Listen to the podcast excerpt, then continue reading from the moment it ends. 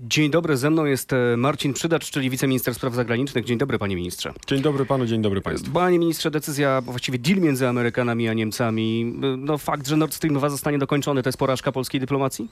Nie, nie, to nie jest. To jest porażka przede wszystkim e, jedności europejskiej, to jest porażka Niemiec, e, bo to jednak Niemcy odpowiadają za decyzję o budowie Nord Stream 2, zarówno tej pierwszej nitki e, za czasów jeszcze rządów naszych poprzedników, jak i drugiej nitki już teraz od 2015 No ale Pola, roku. Polska starała się przekonać Amerykanów, żeby zablokowali, żeby wprowadzili sankcje. Zresztą te sankcje zostały zarządzone, nie zostały wprowadzone. Joe Biden się z nich wycofał.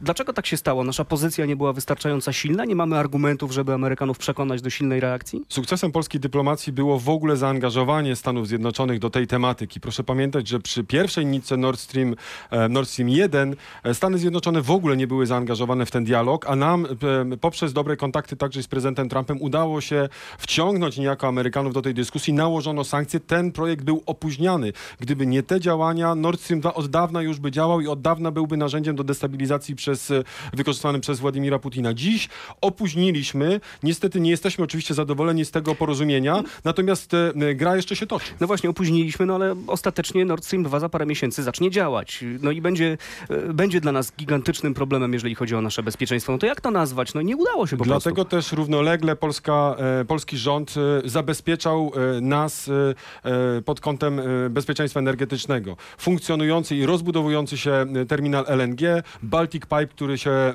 tworzy, będzie za, e, za paręnaście miesięcy w pełni operacyjny. My wiedzieliśmy, e, że istnieje takie ryzyko, dlatego przede wszystkim staraliśmy się uniezależnić od kierunku No i rosyjskiego. to się udało, uniezależnić się od Rosjan Tak. w pełni, tak? Udało- Jesteśmy teraz niezależni, czyli Nord Stream 2 nam nie wadzi. Za dwa, e, za półtora roku kończy się ten zły, wynegocjowany przez Waldemara Pawlaka kontrakt z Gazpromem e, i według naszych e, e, wyliczeń nie będzie potrzeby pozyskiwania e, e, gazu z Rosji, będziemy pozyskiwać go z innych kierunków e, e, geograficznych, będziemy bezpieczni energetycznie. Marcin Przydacz, wiceminister spraw zagranicznych, jest cały czas moim i Państwa gościem. Dalsza część naszej rozmowy e, w RMF24.pl, naszym nowym radiu internetowym, a także na naszych stronach w sieci. Panie ministrze, jak wyglądały konsultacje z Amerykanami w sprawie Nord Stream 2? W sprawie tego dealu rozmawialiście w ogóle z Amerykanami? Oni was informowali, na jakim etapie są te rozmowy, jeżeli chodzi o e, Stany Niemcy? No bo to chyba dla nas ważne. Rozróżnimy pojęcie konsultacji od informowania.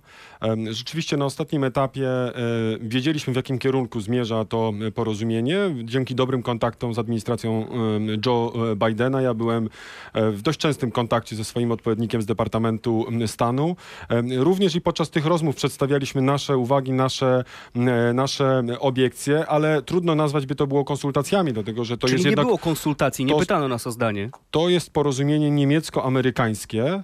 E, Nie, pytano nas oczywiście o zdanie, pytano nas o zdanie i to zdanie przedstawialiśmy bardzo, e, bardzo aktywnie, ale to jest porozumienie, panie redaktorze, niemiecko-amerykańskie i to Niemcy przede wszystkim, a Amerykanie także poprzez złożenie swojego podpisu ponoszą odpowiedzialność za treść tego porozumienia. Polska nie jest częścią tego porozumienia. E, e, Nasza ocena jest bardzo krytyczna tego, e, tego porozumienia. Natomiast w ramach rozmów przedstawialiśmy szereg naszych, e, naszych uwag. Strona amerykańska, także i podczas wczorajszych rozmów, e, przedstawiła mi e, stanowisko, że to jest tak naprawdę jeden, jeden krok. Tak, na tym Ja etapie to, tyle pani- się udało zrealizować. Mam nadzieję, że będzie jeszcze Ponieważ możliwość... w tych e, szczegółach dotyczących tego porozumienia pojawia się Ukraina, pojawiają się nawet jakieś konkretne pieniądze, miliard, miliard dolarów Dużo euro. mniej.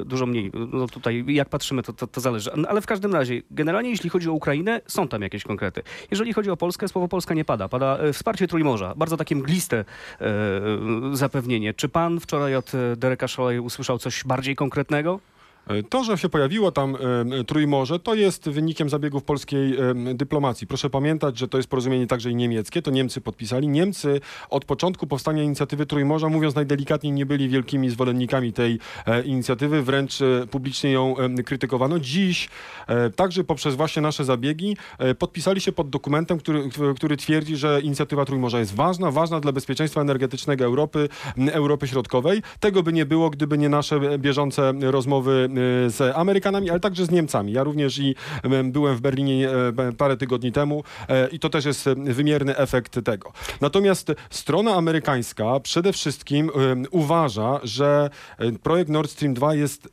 bezpośrednim zagrożeniem dla bezpieczeństwa energetycznego Ukrainy, dlatego też w, to, to wobec Ukrainy są poczynione pewnego rodzaju zobowiązania finansowe. Natomiast nie są to miliardy, jak pan redaktor wskazywał, to są obietnice miliardów. Z konkretnych sum to jest 245 milionów dolarów obiecanych Ukrainie, a przypomnę tylko, Ukraina e, na tranzycie rocznie pozyskiwała półtora miliarda Dobrze, ale tranzyt e, roczny, dolarów. tranzyt roczny przez Ukrainę, tu nie chodziło tylko o pieniądze, tu chodziło też o pewnego rodzaju mechanizm kontroli nad Rosją, który Ukraina najprawdopodobniej straci. No nie czarujmy się, no, pewnie Niemcom, ja w to wątpię na przykład, że uda im się wynegocjować przedłużenie tej umowy To między jeszcze, to Ukrainą. jeszcze o tranzycie jedno zdanie. U, Ukraina pozyskiwała półtora miliarda dolarów e, z tranzytu, a wie pan ile Waldemar Pawlak e, wynegocjował? Kilkadziesiąt milionów e, dolarów za tranzyt przez, podobne, przez polskie sieci e, e, my w, w Polsce. My w ogóle nie pozyskiwaliśmy żadnych środków z tranzytu, bo tak poprzednicy nasi wynegocjowali skandalicznie ten, ten no e, to- kontrakt, że nie było argumentu Amerykanie, ale przecież Jesteśmy- wy nie pozyskujecie nic z tranzytu, Jesteśmy, bo w, tak wam jesteśmy, w rzeczywistości, jesteśmy w rzeczywistości, które, którym te problemy znikają, ponieważ już żadnego tranzytu przez Polskę i Ukrainę nie będzie najprawdopodobniej, ponieważ gazociąg Nord Stream 2 biegnie bezpośrednio z Rosji do Niemiec, omijając kraje, nasze kraje. No i teraz Nie, pytanie... jest jeszcze drugi, drugi gazociąg, który e, idzie przez Białoruś i przez Polskę i tutaj e, No tak, no to jest jego, zupełnie inna sytuacja. No myślę się, że jego znaczenie osłabnie teraz, kiedy Nord Stream 2 zostanie uruchomiony. No Z chyba pewnością- chodzi, stąd jest cała Z całą awantura, pewnością prawda? Moskwa ma teraz więcej instrumentów do oddziaływania i na to pozwoliła mu, pozwoliły, pozwolił mu Berlin. Przede Pani- wszystkim Angela Merkel, e, nawet dzwoniąc, proszę sobie wyobrazić, że Angela Merkel w pierwszej kolejności po wynegocjowaniu tego postanowiła zadzwonić do Władimira Putina, a Władimir Putin wydał oświadczenie, że jest usatysfakcjonowany Tak, otworzył, otworzył szampana i, i, i go wypił pewnie bardzo szybko. Panie ministrze, no ale skoro, e, jak pamiętamy, administracja Donalda Trumpa dużo ostrzej traktowała Nord Stream 2, przynajmniej retorycznie, dużo bardziej, e, dużo bardziej, no nie chcę mówić agresywnie, ale odnosiła się do tego, do tego projektu, to dlaczego e, administracja Joe Bidena złagodziła ton? Dlaczego pozwoliła Rosjanom go dokończyć? Dlaczego dała Putinowi prezent? Czy to znaczy, że też nasze stosunki z administracją Bidena są słabsze niż z administracją Trumpa?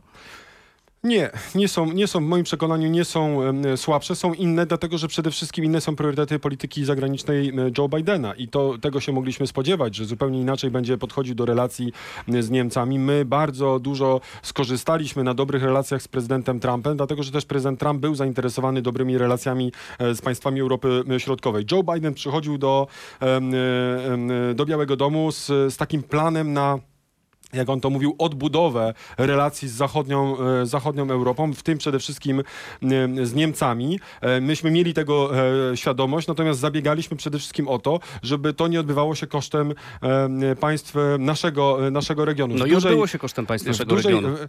No to, ale to jest, to jest zarzut do polskiej dyplomacji, czy do, do Ja- amerykańskiej ja- dyplomacji? wyda- Wydaje mi się, że, że panie ministrze, no, chwaląc się dobrymi stosunkami z Amerykanami, y, powinniśmy mieć jakiś wpływ na ich decyzje, albo być liczącym się partnerem i um, móc coś na nich Panie, wymóc. No, to się dobrze, nie udało. Ale wpływ to nie znaczy, że my sterujemy e, dyplomacją amerykańską. No bądźmy poważni. To nie jest tak, że na e, telefon mój czy ministra Rała, Departament Stanu e, e, zmienia swoje decyzje. Nikt tak naprawdę, żadne państwo nie ma takiej siły, żeby, w, żeby wpłynąć w pełni na zmianę priorytetów amerykańskiej polityki. To, co mogliśmy robić, to i to robiliśmy, to przedstawialiśmy naszą perspektywę, pokazywaliśmy zagrożenia, pokazy- pokazywaliśmy koszty, jakie się z tym wiążą i to, co jest e, wymiernym tego efektem, to wczorajsze także i zobowiązanie Ameryka- Amerykanów do kontynuacji tych prac i kontynuacji dialogu. W tym sensie Amerykanie traktują to porozumienie jako pewnego rodzaju pierwszy, pierwszy krok, uznając, że nie byliby w stanie tak naprawdę zatrzymać projektu Nord Stream 2. Teraz należy wypracować m, takie e, rozwiązania, które odpowiednio zabezpieczą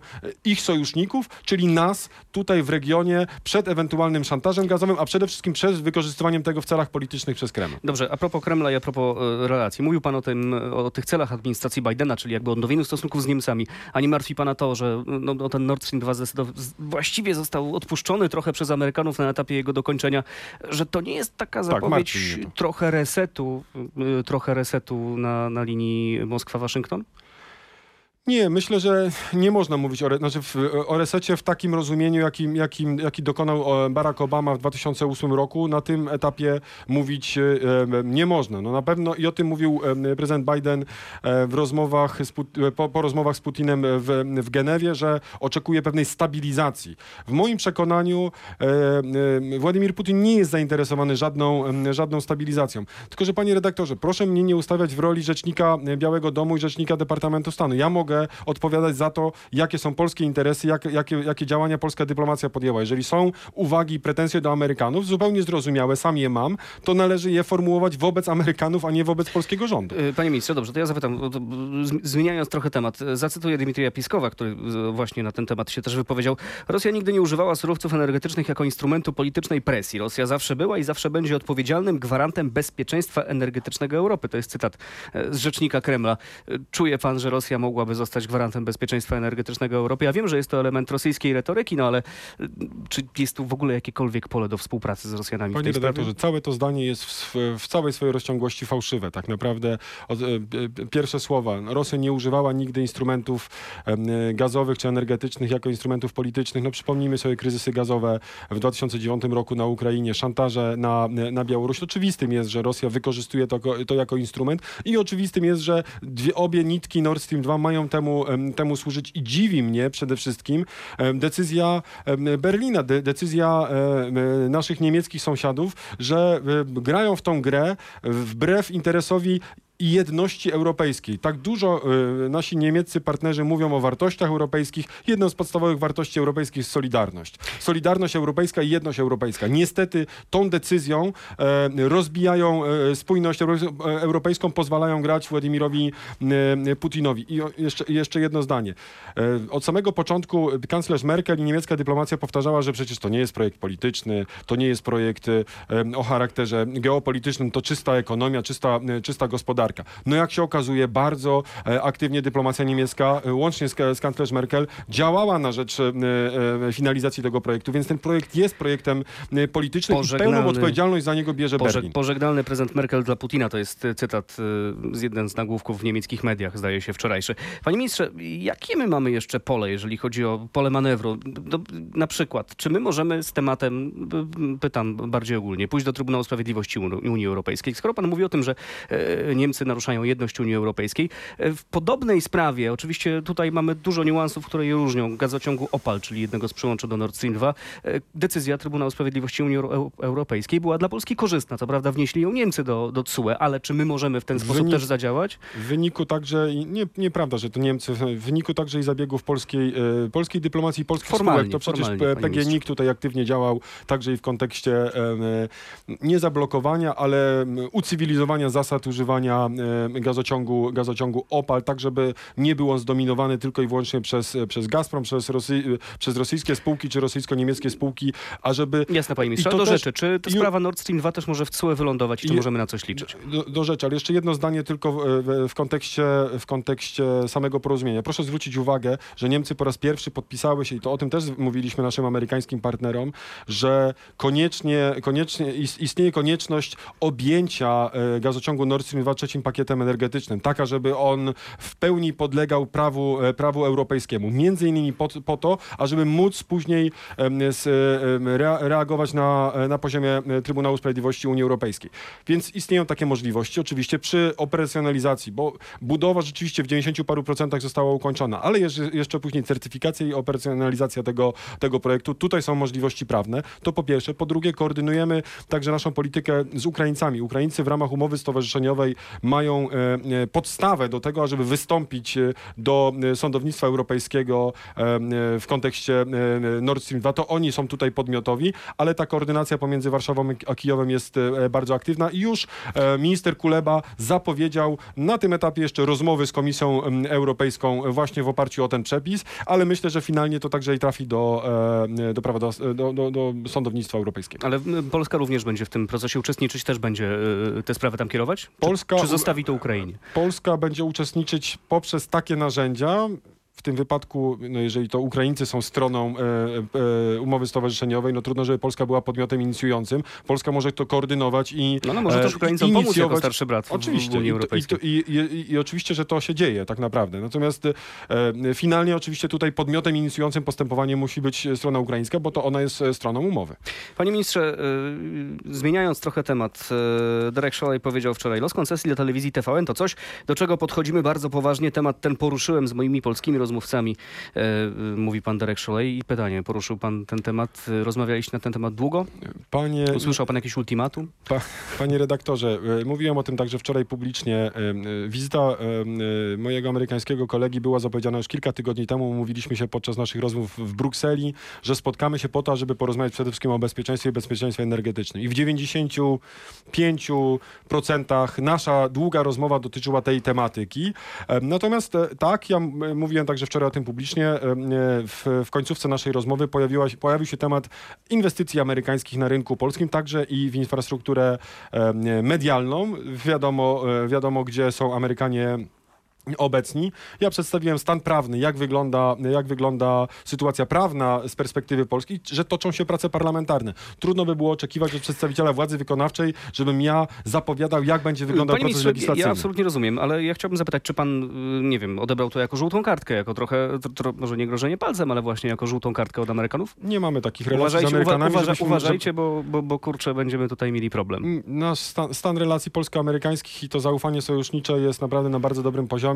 Nie stosujemy tego typu terminologii żółtych, czerwonych czy jakichkolwiek innych e, e, kartek. Zdaję sobie sprawę, że w naturalny- języku dyplomacji to inaczej brzmi, ale troszeczkę to, to W naturalny sposób, panie redaktorze, oczywiście kwestie inwestycji amerykańskich e, są przedmiotem zainteresowania rządu amerykańskiego, tak samo jak i polskie inwestycje są przedmiotem zainteresowania polskiej, polskiej dyplomacji. Natomiast zgodziliśmy się co do tego, że wolność mediów jest wartością istotną czy podstawową w demokratycznym państwie prawa i właśnie e, wszelkie działania wobec, e, wobec inwestycji amerykańskich, także w tej infrastrukturze medialnej, powinny być prowadzone w oparciu o e, literę prawa, a litera prawa została uz, u, em, tak naprawdę ustalona w latach 90. Tak? To przepis mówi w sposób jasny, kto jest e, e, inwestorem zagranicznym, a kto jest inwestorem em, wewnętrznym, jaki procent udziałów może taki inwestor zagraniczny mieć i jak ten inwestor zagraniczny tak naprawdę powinien być, powinien funkcjonować. No bo jeżeli my mówimy o inwestorze zagranicznym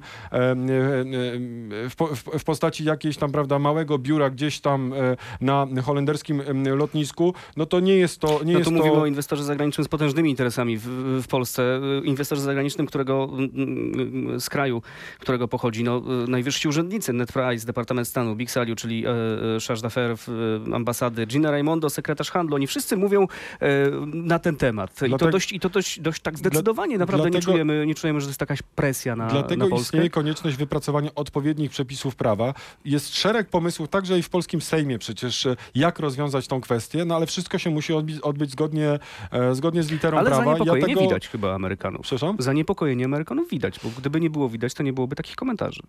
Ja nie wiem, Czuje nie wiem czy nazywałbym to za- em, zaniepokojeniem, na pewno zainteresowanie tym tematem i wydaje mi się, że to nie jest nic, e, nic dziwnego, no w końcu to są amerykańskie, e, amerykańskie pieniądze, ale my także jesteśmy zainteresowani tym, ażeby jak najlepiej rozwiązać tą kwestię, a, a żeby ona e, z mojej perspektywy nie wpłynęła, czy nie, nie stanowiła żadnego uszczerbku na tych dobrych polsko-amerykańskich W relacjach. jaki sposób ta kwestia zostanie rozwiązana, to jest pewnie e, no, kwestia paru najbliższych tygodni. E, Marcin Przydacz, wiceminister spraw zagranicznych, był dzisiaj moim Państwa gościem. Bardzo dziękuję, panie ministrze. Dziękuję.